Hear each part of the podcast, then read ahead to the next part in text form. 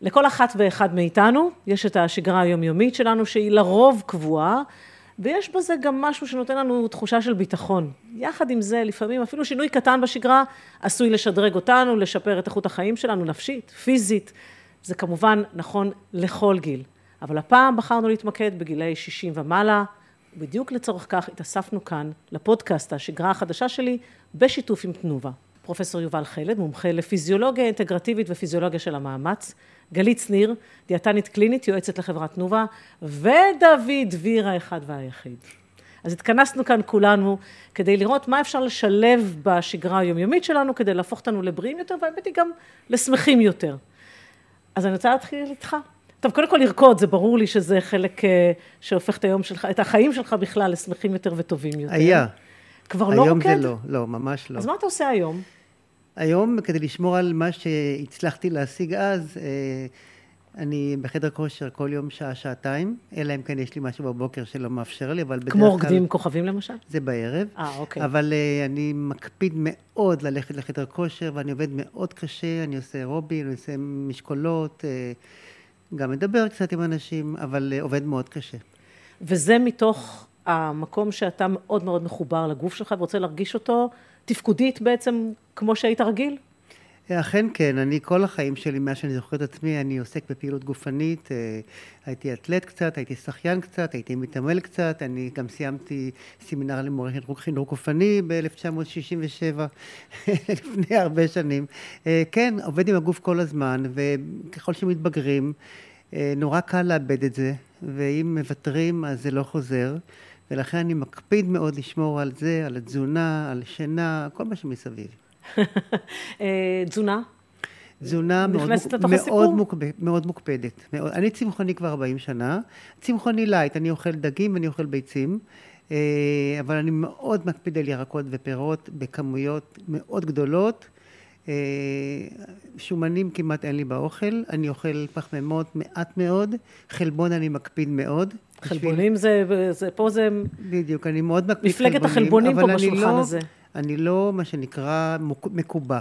אני, אם אני בא למסיבה ויש איזו עוגה שמעניינת אותי, אני אקח איזה ביס קטן. אני לא אעשה את עצמי ממש אה, נזיר, אבל אני מאוד מקפיד. אני יודע גם שמגיל 45-50, הכמויות שאני אוכל הן חצי ממה שאכלתי לפני כן. כשרקדתי אני אכלתי בלי הגבלה המון, כי הייתי מוציא את זה בעבודה. היום אני, אין לי את העבודה הזאת ואני חייב לאכול פחות, ואני אוכל פחות בכמויות ממש יפות מאוד.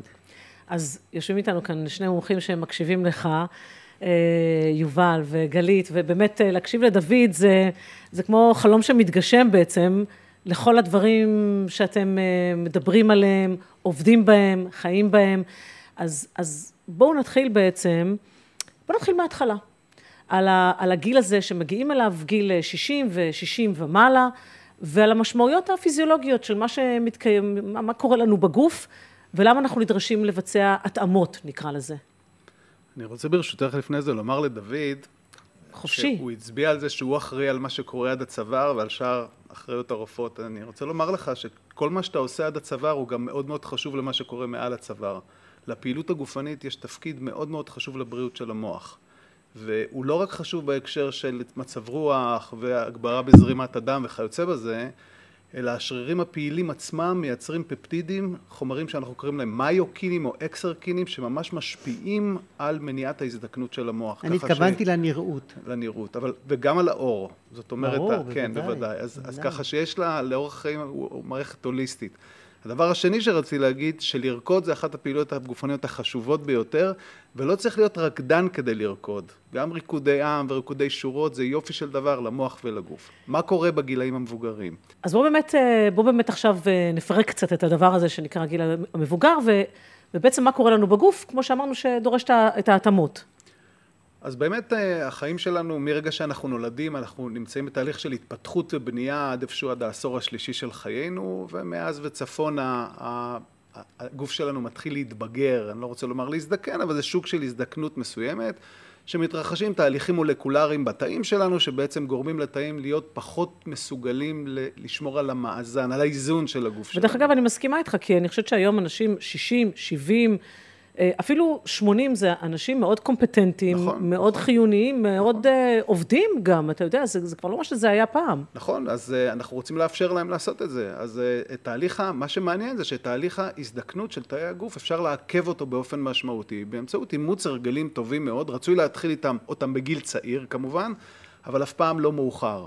ובאמת לתזונה ולפעילות הגופנית יש תפקיד מאוד מאוד חשוב במיינטננס, בשימור של הרזרבה, אני קורא לזה לרזרבה הפיזיולוגית שלנו. הרזרבה הפיזיולוגית שלנו הולכת ופוחתת עם הגיל, מסת העצם פוחתת, מסת השריר פוחתת, מסת המוח פוחתת, ואימוץ הרגלים בריאים של תנועה, של תזונה, של מנוחה, מאפשרת לנו לשמר את הרזרבה הזאת לאורך זמן, ולהגיע לגילאים האלה ולהיות מסוגלים להיות פעילים יותר, כי אנחנו באמת אה, חיים יותר.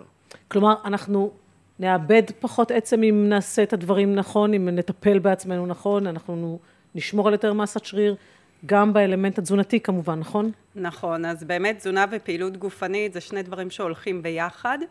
אה, יש שתי משמעויות, אחד זה באמת בגילאים הממש צעירים, בגילאי הילדות, בגילאי העשרה, שבאמת אנחנו בעזרת תזונה ו- ופעילות גופנית, אבל נדבר על תזונה, אנחנו יכולים למצות את הפוטנציאל שלנו, זאת אומרת להגיע למסת שריר עוד יותר גבוהה, למסת עצם עוד יותר גבוהה, עד שזה באמת מגיע לאיזשהו אה, שיא ששם זה נשמר.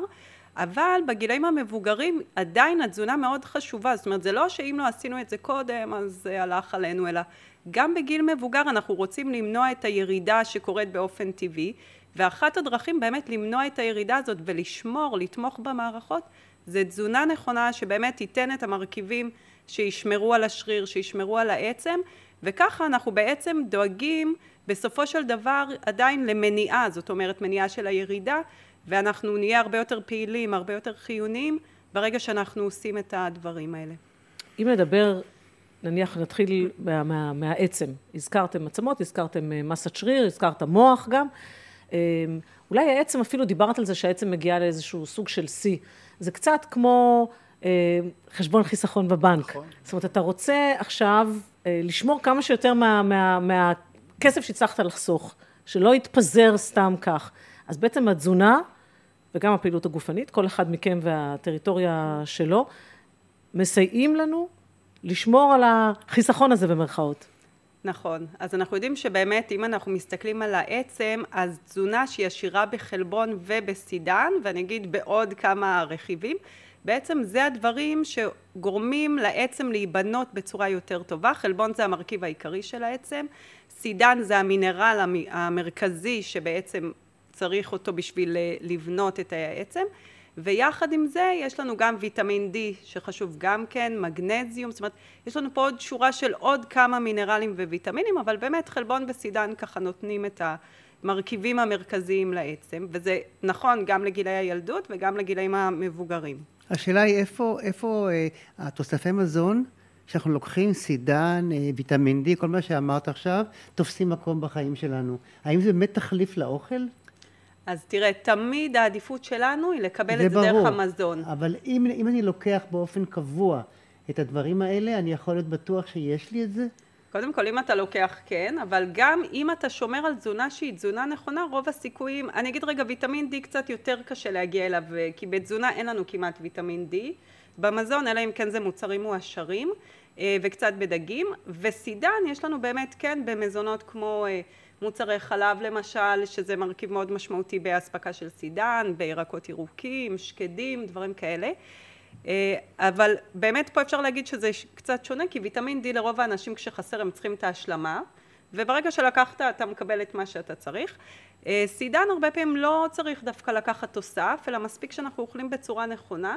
זאת אומרת אנחנו משלבים באמת גם את המוצרי חלב או תחליפים למי שלא אוכל וגם עוד אה, את הקבוצה של הירקות, של הגרעינים, של האגוזים שנותנים לנו ביחד את הכמות סידן שאנחנו צריכים. אם אנחנו נתמקד פה בתזונה, באוכל שאנחנו יכולים לצרוך, הגופנית. ובפעילות הגופנית. אז נכון. הנה, קח אותי לפעילות הגופנית. דוד אה, עסק הרבה בריקוד, היום הוא גם אה, משקיע בעבודת, באימוני התנגדות ובאימונים אירוביים. כן. למה זה חשוב? ובאמת בגיל המבוגר, שזה אגב הגיל המבוגר כבר מתחיל כל משהו אחרי הגיל הצעיר, המיינטננס, אני תמיד מדגיש את העניין הזה של השימור, השימור, השימור. אני קורא לזה תחזוקה. תחזוקה ושימור, המיינטננס זה תחזוקה. אתם מתכוונים, אני חושבת, בדיוק לאותו כן, דבר. כן. והתחזוקה הזו של הגוף היא צריכה להיעשות בעצם לאורך כל החיים, אבל אף פעם לא מאוחר להתחיל לתחזק. אני בספר האחרון שכתבתי, יש לי חצי פרק שאני מדבר שם על זה, שאנשים משקיעים יותר בתחזוקה של הרכב והעציצים בבית שלהם מאשר בגוף שלהם. לגמרי. וזה נורא עצוב, כי אנחנו, זה הדבר הזה מלווה אותנו כל חיינו, ויש לא מעט מחקרים שמוכיחים שאנשים קצת מתעלמים מהדבר הזה שנקרא הגוף שלהם, יש לזה הרבה סיבות אה, מנטליות וכולי. הפעילות הגופנית צריכה לכלול כמה מרכיבים. אחד זה מרכיב האירובי, שהוא כולו פעילויות אה, ממושכות יותר, ריצה, שחייה, כל משהו מעבר לכמה דקות. פעילות כנגד התנגדות, ופה אני שם סימן קריאה בגיל היותר מבוגר. אנחנו מאבדים מסת שריר באופן מאוד משמעותי בגיל המבוגר, ומסת השריר חשובה לנו לעצם, היא חשובה לנו לתפקוד, היא חשובה לנו לאינסול, ל- ל- לרגישות לאינסולין, למניעת סוכרת, חשובה למוח, חשובה לתפקוד הכללי שלנו. אנחנו מדברים על טווח תנועה, תרגילי גמישות ושיווי משקל שהוא מאוד מאוד חשוב למניעת נפילות. אלה ארבעת הדברים שאדם צריך לעשות אותם בשבוע ברמה כמעט יומיומית ואני רוצה לומר שהאתגר פה הוא לא כל כך קשה. אני, אני עושה פה הבחנה בין ספורט לבין פעילות גופנית. לשמור על אורח חיים פעיל ובריא מספיק 20 דקות, חצי שעה, אפילו 10 דקות ביום, כמה פעמים בשבוע, לא יותר מזה. כי אנחנו מכירים את זה, אנחנו אה, בתחום הפעילות הגופנית אה, שנים. ואנשים נורא אה, אומרים להם פעילות גופנית, ישר מדמיינים איך הם עכשיו צריכים לעשות לעצמם לוז הלו"ז שלך הוא מאוד ייחודי לך, זאת אומרת הוא מאוד ייחודי ורוב האוכלוסייה לא יכולה להתמודד עם ללכת שעתיים ביום, אפשר לאמץ את זה, אפשר לאמץ, בייחוד שאתה מגיע לגיל שאתה כבר בפנסיה ואין לך חובות, אתה לא, לא הולך לעבודה כל בוקר. תיקח את הזמן הזה, זה לבריאות שלך, להמשך החיים שלך. אתה יודע משהו? אנשים שלא עושים כלום, גם קצת, ברור. הוא מאוד משמעותי, נכון פרופסור חלב? יותר מזה, מה שמציל חיים הכי הרבה, ממש ככה. זה בין לא לעשות כלום ללעשות קצת, זה הרבה יותר מציל חיים לבין בין לעשות בינוני ללעשות הרבה, חד משמעית. כלומר, ה, מה זה קצת? קצת זה מה שאמרתי. 20 דקות ביום. זה ללכת 10-20 דקות ביום. אבל הקצת הליך... הזה הוא, ביח, הוא ביחס ללא לעשות כלום. כל מי שקם מהספה ומתחיל לעלות במדרגות וללכת ברגל וקצת אפילו להיפגש עם חברים להליכה בים או עם הכלב, זה הרבה יותר טוב מכלום. כמובן שהאויב של הטוב הוא יותר טוב, ופה אפשר להוסיף תרגילי כוח וכל הדברים האלה, אבל חברים, אתם לא עושים כלום, תעשו קצת, זה מציל חיים. אני חושבת שגם מנטלית, הרבה פעמים שאנשים חושבים שלעשות ספורט זה לצאת עכשיו לשעה, מראש מי שלא מתחבר מתייאש, וכשאתה אומר, אוקיי, רבע שעה, עשרים דקות, גם יעשו הרבה הבדל, זה אחרת. את זה כאילו יותר קל להפעיל. את יודעת מה, זה אפילו בהכנסה של דברים לפעילויות היומיומיות שלך. כלומר, אל תתקשרי למכולת ותגידי שיעשו לך שליחות, לכי למכולת, אז גם תרוויחי את ההליכה, גם תסחבי את השקיות, אז את יודעת, עוד פעם, זה קצת סוג של עבודת התנגדות. אנחנו מדברים על דברים שקצת נכחדו מן העולם, הדברים האלה. אנשים היום עושים הכל בטלפון, באינטרנט, ולא זזים כמעט. אני קורא לזה, ניצחנו את הצורך לנוע. וזה התנועה... ניצחון קצת מצער. ניצחון כן. מצער. הטכנולוגיה פה, שאמורה לשפר את חיינו, עושה קצת דברים גם הפוכים, באופן מאוד מעניין. כן. והאבולוציה מלמד אותנו שהאדם נועד לנוע, ותנועה היא חלק מהחיים שלנו. עכשיו נדבר על התזונה באמת שצריכה להתלוות לפעילות הגופנית. תומכת. והתומכת, אה, גם הדלק שלנו, מה, מה נכון, מה כדאי, על מה לשים דגש. כן, אז אני, אני אענה ואני גם אתייחס למה שאתה אמרת, שבאמת הרבה אנשים שואלים איך אני אדע שאני מקבל מה שאני צריך, ודרך אגב גם לא כל דבר אנחנו יכולים לבדוק בבדיקת דם, אז אנחנו צריכים באמת לדעת את הכללים הבסיסיים של איך לאכול נכון. אז קודם כל באמת שני הדברים המשמעותיים פה, שככה אני אגיד במילה ואני אפרט, זה גיוון ואיזון. ונתחיל רגע באיזון, נכון? במיוחד כשאנחנו מדברים על מי שעושה פעילות גופנית, למרות שגם מי שלא. אנחנו רוצים לשים דגש על עניין החלבון, שעם הגיל אנחנו יודעים שאנשים קצת פחות נוטים לאכול ולא את הכמות האופטימלית כדי לתמוך בעצם בשריר, במסה שלו ובכוח. אז חלבון אנחנו רוצים דבר ראשון שיהיה לנו. יחד עם זה אנחנו באמת רוצים לשלב עם עוד כמה קבוצות מזון כמו ירקות ופירות שבאמת ייתנו לנו עוד ויטמינים ומינרלים, עוד נוגדי חמצון שדרך אגב גם חשובים למי שעושה פעילות גופנית וגם למי שלא.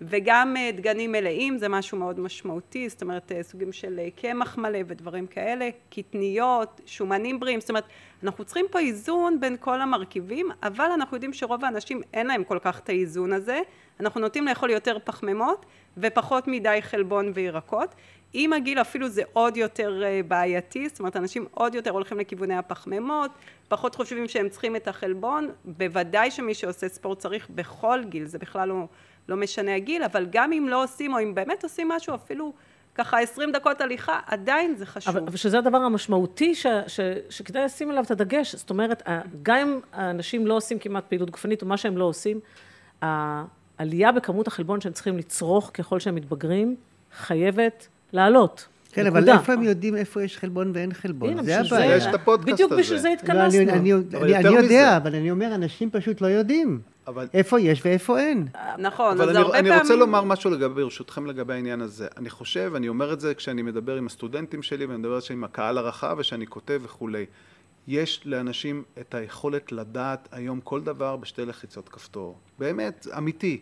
אנשים יודעים, ואנשים יודעים, הם לא כל כך מיישמים, מסיבות רבות ואחרות.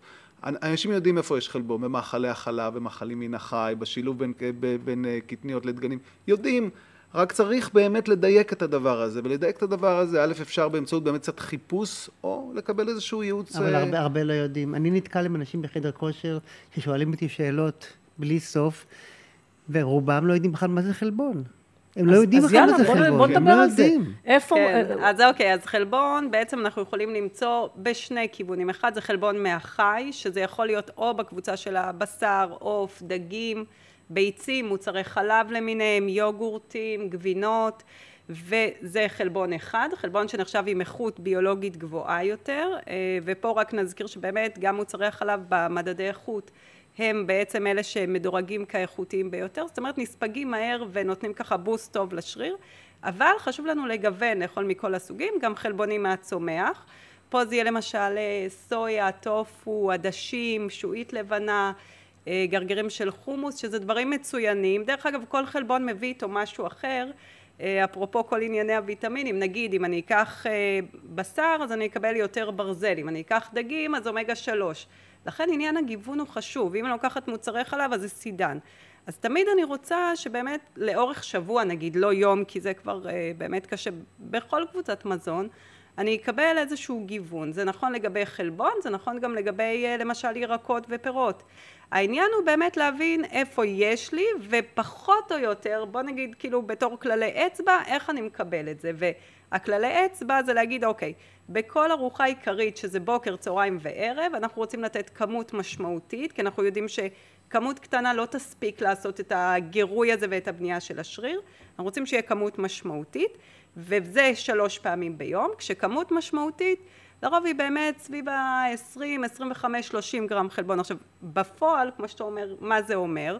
זה נניח יכול להיות אה, מנה רגילה בינונית של אה, דג או עוף או בשר, או טופו, מי שנגיד אה, יותר טבעוני, צמחוני, ואם זה ארוחות כמו בוקר וערב, אז זה יהיה משהו כמו או יוגורט שהוא מועשר בחלבון, מה שדיברנו שבאמת כתוב לך, או אפילו יוגורט רגיל ושתי כפות גבינה, קופסה של טונה, ביצה וגבינה. עכשיו, לא צריך לעשות את לא, הספירה ולהבין שזה... מתארת יפה את צלחת הבריאות, תדברי על צלחת הבריאות שדיברת עליה קודם. כן. על השליש. זהו, ואז, נכון, ואז אפילו, דרך אגב, הרבה פעמים אנשים לא, לא יזכרו גם את זה, אבל הם יזכרו שאם יש לי שליש צלחת, שבשליש הזה יש לי חלבון, כבר הגעתי לכמות משמעותית. רוב האנשים, אני לא יודעת אם זה אתה, אבל רוב האנשים לא אוכלים ככה, הם אוכלים בעיקר פחמימות.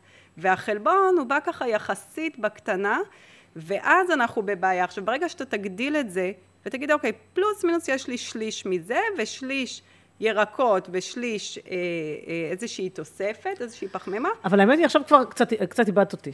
כאילו זה, זה נהיה נורא, זה נהיה לי... נהיה מדעי. אה, זה, זה נהיה לי, אני עכשיו צריכה לחלק את הצלחת לשלושה חלקים ועניינים, וזה נהיה לי מסובך. זאת אומרת, אם אנחנו מדברים פשוט, בערך ליום, אם אני אוכלת אה, שתי ביצים ביום, אה, גביע יוגורט כזה אחד, נניח, או שניים, אני לא יודעת. קוטג' הוא מאוד טוב. קוטג', טונה, זה מספיק לי, לא מספיק לי, בערך בכמות של מזון, לבן אדם, אישה ממוצעת או גבר ממוצע, פחות או יותר. כן, אז, אז תראי, אם, את, אם לקחת את כל הדברים עכשיו שאמרת, וחילקת אותם, כמובן, זה לא צריך להיות בארוחה אחת. ברור. כמו שאת אומרת, נגיד... ביום אמרתי, לא אמרתי נכון. לפי איזה, אחד אוהב את זה בערב, אחד אוהב את זה בבוקר, לא משנה. כן, לא, כי עניין החלוקה של השלוש פעמים הוא כן חשוב לנו, וגם באופן כללי זה נכון לבן אדם שיהיה לו את העוגן הזה של השלוש ארוחות עיקריות, אבל אם את באמת אומרת, אוקיי, פה לקחתי קופסה של קוטג', פה לקחתי דג, וכאן אה, בארוחה השלישית לקחתי יוגורט מועשר בחלבון או קופסה של טונה, מבחינתך עשית את שלך. מספרית, כמה גרם חלבון לערך? אז תראי, יש את הנוסחה הקלאסית, יש את מה שמדבר מה המינימום חלבון שצריך, שזה 0.8 גרם חלבון לקילוגרם, לא צריך לספור. לקילוגרם אבל, גוף. כן, אבל זה ככה המלצות שמדברות על מה המינימום, מה הבסיס, וזה לא המלצות שאנחנו יודעים שלאנשים, ככל שמתבגרים אנחנו רוצים כמות אופטימום, לא כמות מינימום, ואז אנחנו מדברים על כבר לעלות על מעל גרם, זאת אומרת זה יכול להיות גם תלוי פעילות, אתה נגיד עושה הרבה פעילות, תצטרך קצת יותר, אבל אני אוכל 100 גרם ביום בערך. 100 גרם חלבון? חלבון. ביום. כן, כמה אתה ביום. שוקל? 72. בסדר. מדהים. נתת את המעל אחד, שזה כן. לא, אתה צריך נותן את 1.2, התוספת, כן. 1.5, כן, אני עובד הרבה. וזה. טוב שבדיוק אנחנו מדברים על זה, כי מה שקורה בגיל המבוגר, שהספיגה של חלבון במעיים יורדת, והיכולת של בניית השריר, יש לנו אנבוליק רזיסטנס, נמוכה. שהיא נמוכה יותר. ואני רוצה להגיד עוד משהו, שלא פעם בגילאים היותר מבוגרים מחליטים לעשות איזשהו סוג של דיאטה עם הפעילות הגופנית. אז בואו נגביר את הפעילות הגופנית ונאכל פחות. המחיר של לאכול פחות הוא לא פעם להוריד גם בחלבון. אז אם אכן אתם מורידים בכמות הקלוריות, אל תורידו בכמות החלבון. בדרך כלל זה לא עובד. זה לא עובד תקופה ארוכה, אנשים נשברים באמצע, יש כל הדיאטות האלה עם, עם ה- רק הבשר ורק את זה, נכון. זה לא עובד. הטרנדים האלה לא עובדים לאורך לא זמן. כי לא, לכן- אבל אני מדבר באופן, ההערה שלי מבין, הייתה, על. כשמפחיתים את כמות הקלוריות, לשים לב שלא מפחיתים את כמות החלבון. החלבון וגם המיקרונוטריאנטים החיוניים, הוויטמינים, המינרלים וכולי, ושם זה בדיוק המקום ל- ל- למזונות המועשרים האלה, ליוגורטים למיניהם וכולי. שיכולים, אה, שאתה אוכל יכולים ב- לדייק את, ה, לדייק את הכמויות גם. את הכמות של החלבון, אתה- כשאתה נכון, לא לא בהכרח הרבה מוסיף קלוריות כן, אתה לא לתוך צריך לאכול הארוחה. שלוש פרוסות לחם עם אה, טונה כדי לקבל את כמות החלבון, אלא אתה מדייק את זה בתוך אתה יכול איזשהו... פשוט לאכול את הטונה. אתה יכול לאכול את הטונה. אני למשל לא. לא אוכל ארוחת בוקר בכלל. אין לי ארוחת בוקר. אני מתחיל לאכול בשתיים בצהריים. מה אני עושה? אתה נשמע לי... הולך לאימון בלי, לה- בלי לאכול. אם אני אוכל משהו לפני אימון, לא יכול להתאמן. זה עולה לי, כמו רקדן. זה כאילו מפריע לי בתוך הבטן. אבל זה לא אומר שזה, בסדר, שזה לא. לא. בסדר. אה, קודם כל, האדם צריך להקשיב, לפי האדם צריך לא להקשיב ל... בסדר. אה, יש מנעד רחב כן. שצריך לעשות עבור זה נורא ארבעה אישי, פודקאסט, יש נכון, מנעד נכון, רחב נכון. שקשור לשעון הביולוגי, להרגלים שלך, לגיל שלך וכולי. גם כשאנחנו מדברים על צומות לסירוגין, עבור חלק מהאנשים זה עובד יותר או פחות.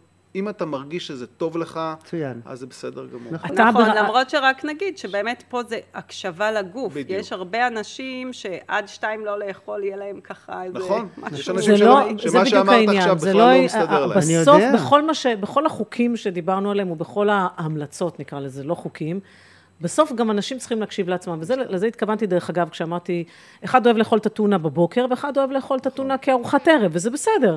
הוא יחלק את, ה, את הטונה, העיקר שהוא, שהוא יאכל את- כמות מה החלבונים שכן, הנדרשת כשמורידים את לו. מספר הארוחות ביום, יש סיכון יותר גדול גם לא לקבל את ה... לפספס. את ה... את- בדיוק, את המוצרים החיוניים, וזה צריך לשים לב. בעיקר נכון. אנשים פעילים, אבל אה, אפשר להבין את זה, דרך אגב, שבאמת טרום פעילות גופנית, זה ברור, להעמיס על, ה, על הבטן, זה לא נעים. נכון. אה, מי שעוסק בפעילות אנשים גופנית מספרים לי מה הם. אוכלים לפני האימון, אני משתגע, איך אפשר? איך הם יכולים לזוז אחר כך, אתה שואל את עצמך. בגלל זה הם לא עושים כלום בחדר אני- כושר, אני רק ב- אני מדברים. במפלגה שלך, אני גם מאלה דרך אגב, כי שצריכה לבוא עם בטן אה, ריקה.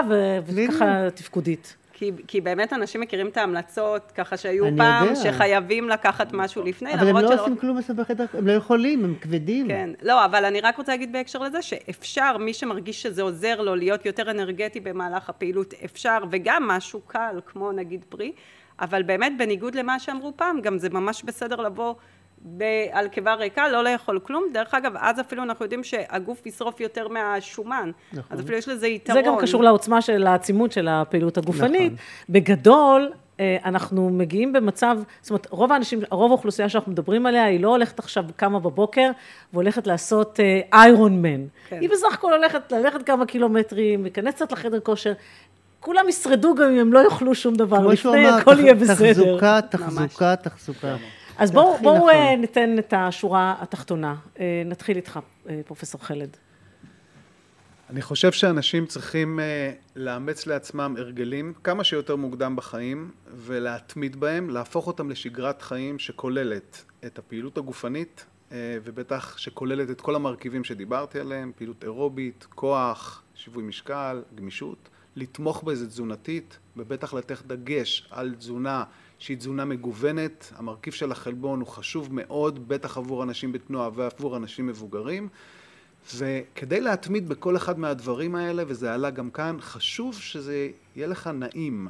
חשוב שתוכל לשמר את זה לאורך זמן. כי אם אנחנו אומרים לאנשים, תאכל טונה בבוקר ותעשה, תרוץ בבוקר עשרה קילו, ואתה לא נהנה מזה, אתה לא תמשיך עם זה.